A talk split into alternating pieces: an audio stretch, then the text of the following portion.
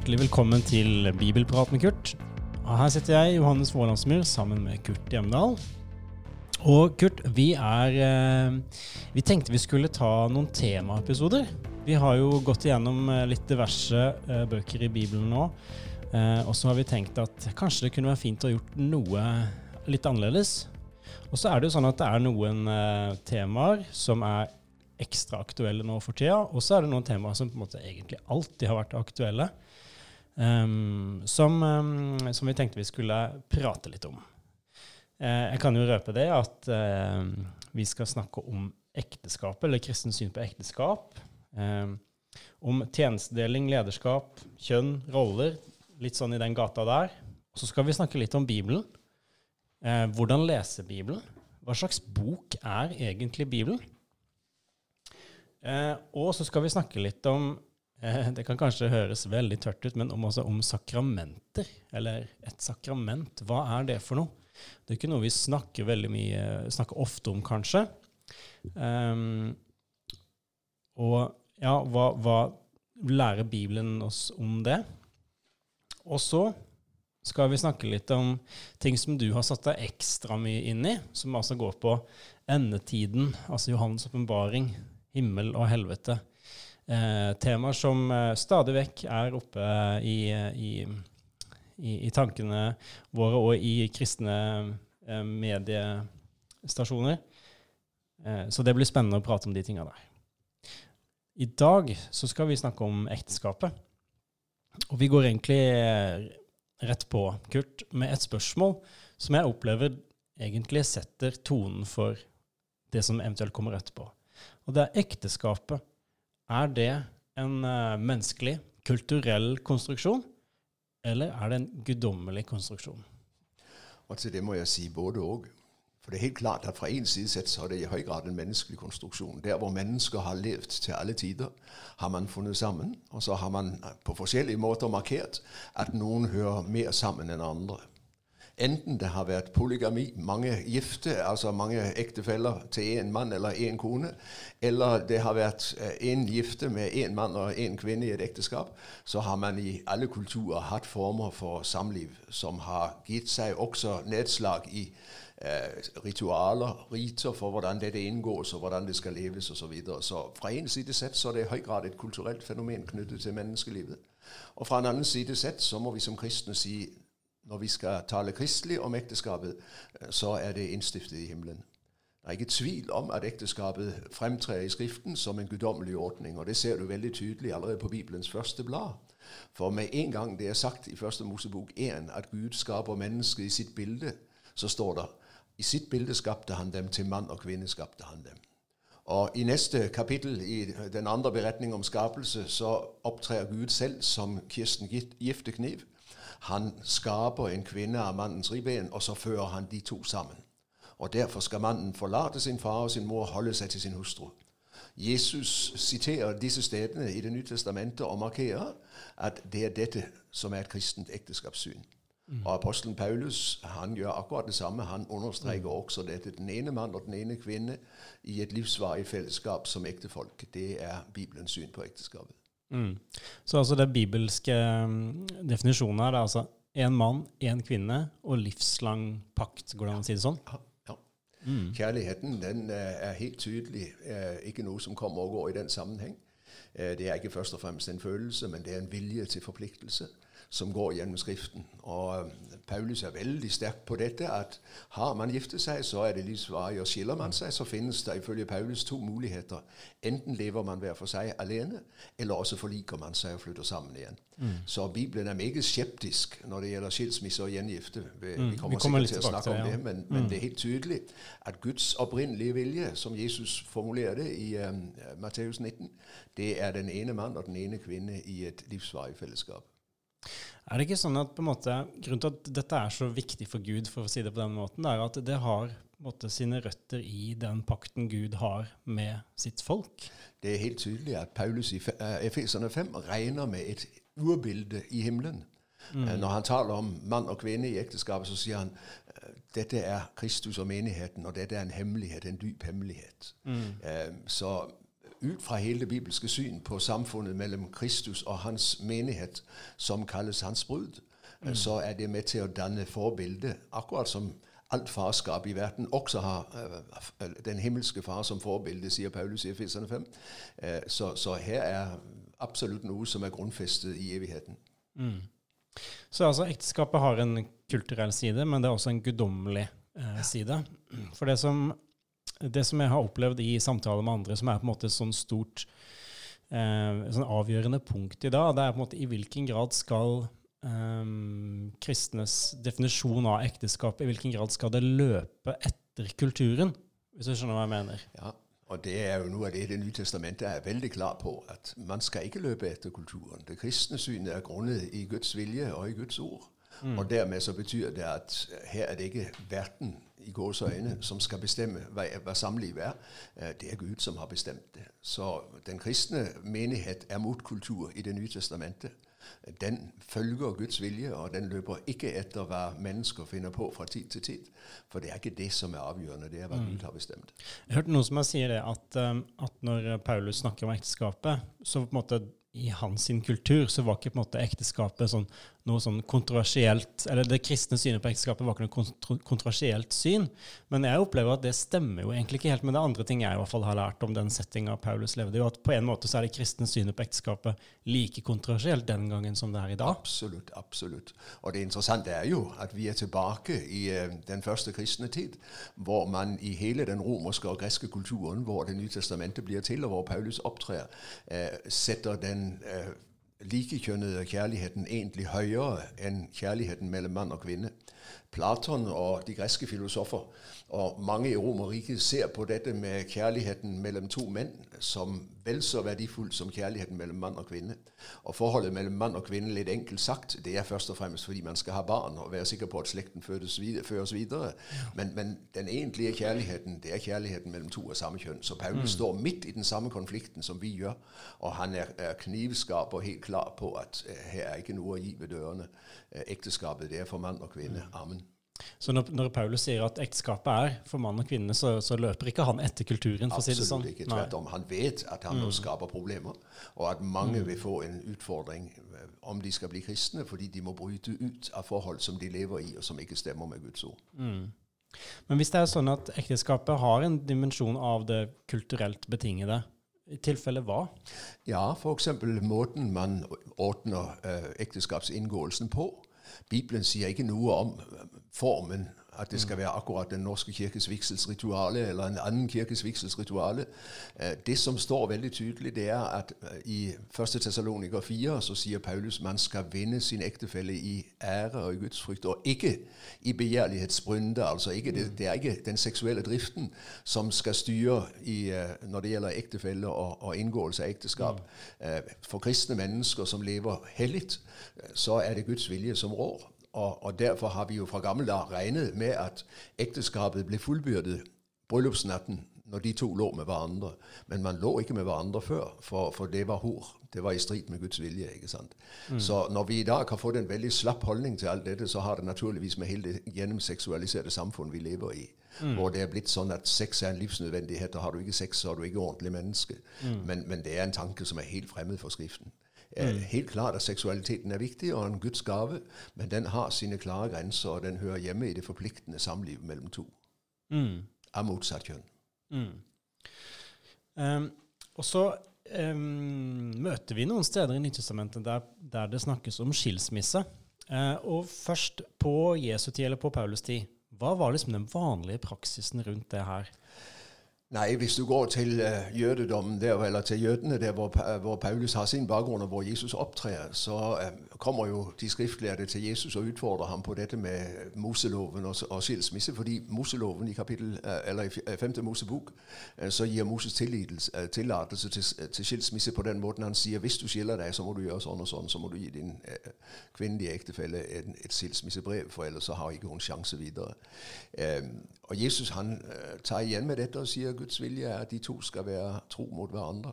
Gud vil ikke skilsmisse. Uh, I profeten Malaki så sier Gud rett ut gjennom profeten 'Jeg hater skilsmisse'. Så Guds vilje er troskapen.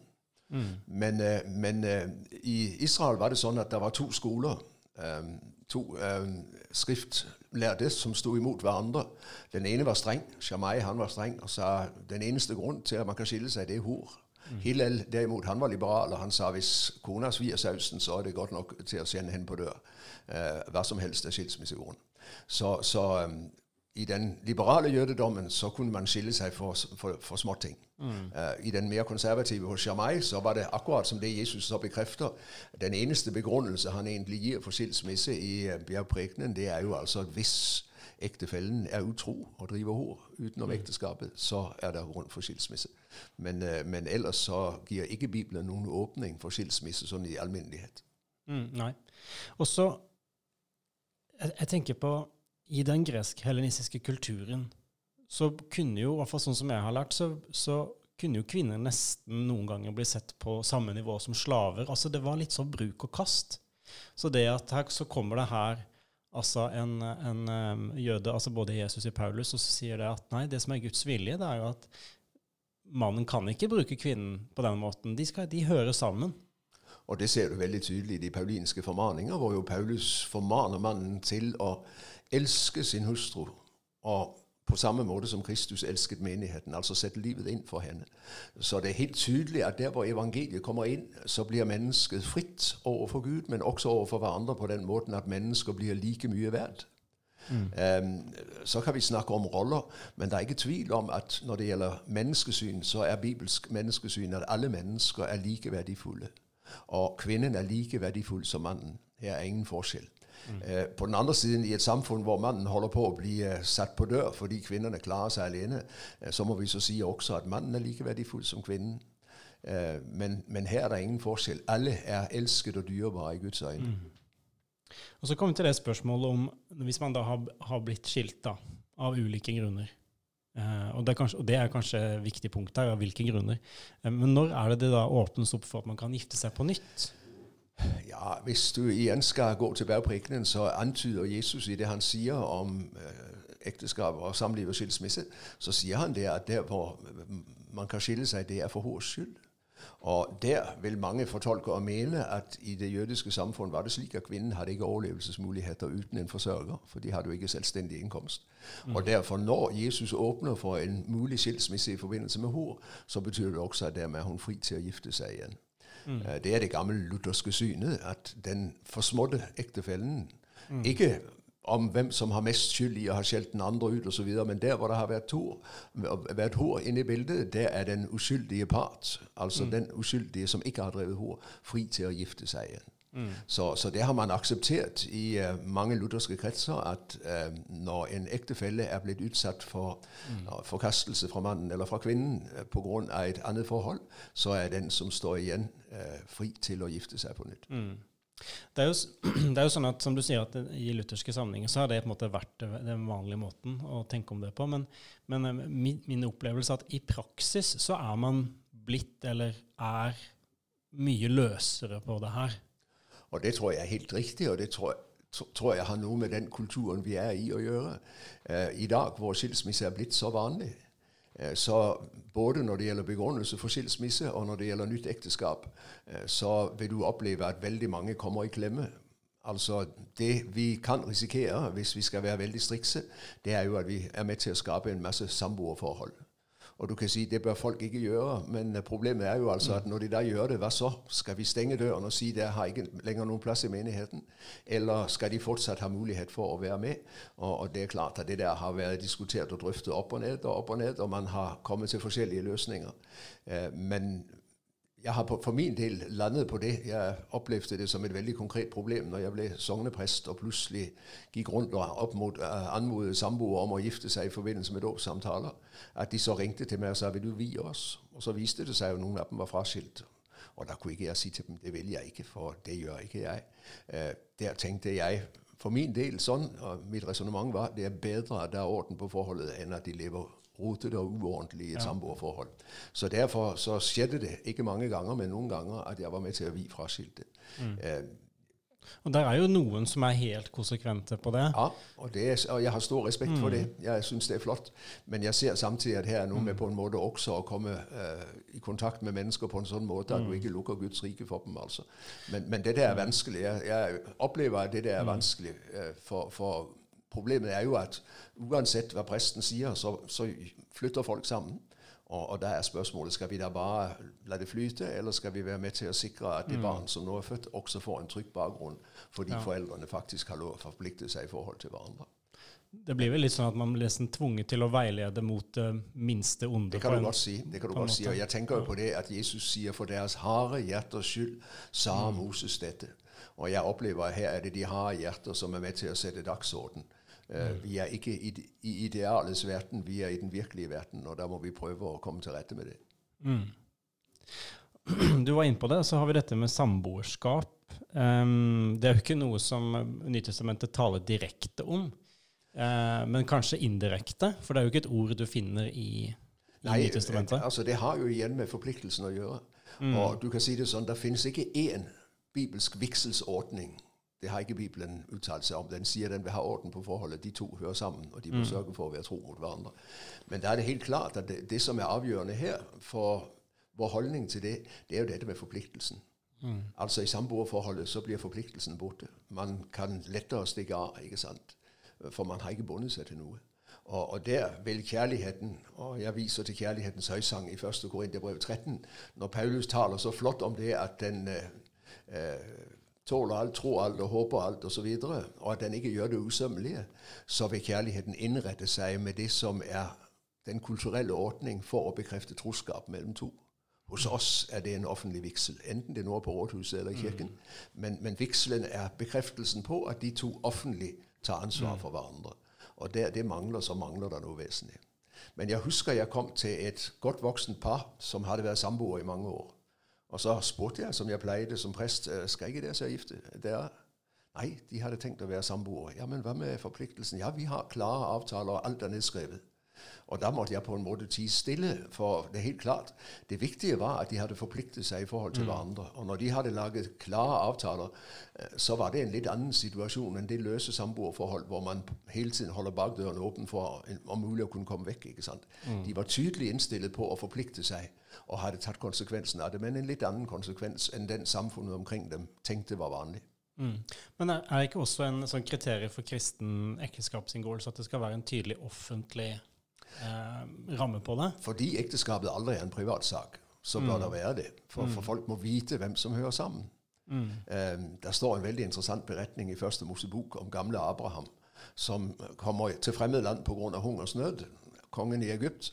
Eh, og, og, han er tydeligvis livredd for at den vakre Sara hun eh, skal bli uh, et problem for ham. Så han sier til henne vær så snill, si at du er min søster. Hun er nok halvsøster. deg. De er på en eller annen måte i familie med hverandre. Eh, og det gjør hun med det resultatet farao henter henne til hoffet sitt. og der stopper Gud plutselig alle mors liv. Han får ikke flere barn, og så blir det klart for farao det er pga. Sara. For hun er jo gift med Abraham. Det hadde ikke Abraham sagt, den røveren. Mm. Og, og, der er det jo veldig interessant. Eh, Abraham blir tatt i skole, troens far, blir tatt i skole av den hedenske kongen. Hvordan i all verden kan du opptre sånn? Går det ikke an? For, for, når ikke du sier klart hvordan det er, så kunne jeg ha kommet til å synde ved å ha lagt meg med kona di. Og det har ikke jeg lov til. Det visste den egyptiske kongen. Så, så allerede gamle, Det gamle testamentet sier oss noe om at offentlighet er nødvendig for at ikke det skal skje ting som ikke bør skje. ikke sant? Mm, mm.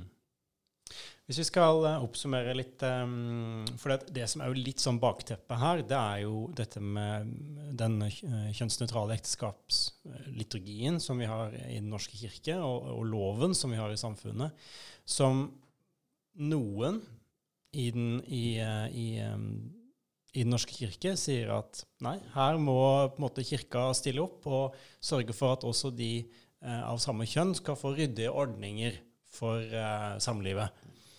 Eh, men ut ifra det vi har sagt nå, så på en måte blir resonnementet sånn at nei, det kan vi ikke gå med på, fordi vi tror at selve, eh, selve, premisset for rammen er at det er to eh, med forskjellig kjønn. Og det er fordi at dette er ikke en menneskelig konstruksjon som vi da kan endre og skru på og forandre sånn som vi vil, men fordi det er en guddommelig eh, institusjon eller Og I den konstruksjon. sammenheng er det jo veldig interessant at man da samtidig sørger for, fra et eh, meget kirkekritisk hold, f- ville eh, eh, gjøre kjønn til en følelsessak og til noe som er helt avhengig av ikke hvordan du er født, men hvordan du føler. Eh, så, så hele den måten å eh, snakke om kjønn på, som vi nå opplever i eh, en del av pride-bevegelsen, den kommer veldig feil ut i forhold til Skriften, fordi kjønn blir helt flytende. Og du etterlater folk i det store intet med tanke på egen identitet, for hva er jeg for noe, ikke sant? Eh, vi er skapt sånn at du allerede i fødselen kan se om du er mann eller kvinne. Eh, og jeg tror når vi begynner å, å tukle med det, eh, så tukler vi med hele menneskeforståelsen, og i neste omgang så skaper vi en masse problemer for en ung generasjon som vokser opp. Men, men ut fra et bibelsk synspunkt så vil vi si mann og kvinne to er motsatt kjønn, og da er ikke kjønn forstått som følelse, men Nei, som, som det biologi, fysiske. Som biologi. Ja. Eh, som det som avgjør hvem som hører sammen. Vi kunne fortsette å prate om det her, Kurt, men, eh, men vi har fått snakka om en del ting eh, som handler om eh, ekteskapet, eller kristne synet på ekteskapet. Um, og det egentlig det viktige premisset som setter retning for, for, for hele samtalen om det kristne synet på ekteskapet. Det er jo i hvilken grad er det um, en eh, guddommelig konstruksjon uh, som da legger mye føringer for hva vi kan gjøre med det, egentlig. Der hvor vi aksepterer at det finnes en Gud, og at Gud har Mm. åpenbart sin vilje, der er vi bundet av den viljen. Mm. Var det gildt å høre på denne podkasten, må du gjerne gi en gave til Nordmisjon sitt arbeid, f.eks. på VIPS med nummeret 94272, eller besøk oss på nordmisjon.no agder.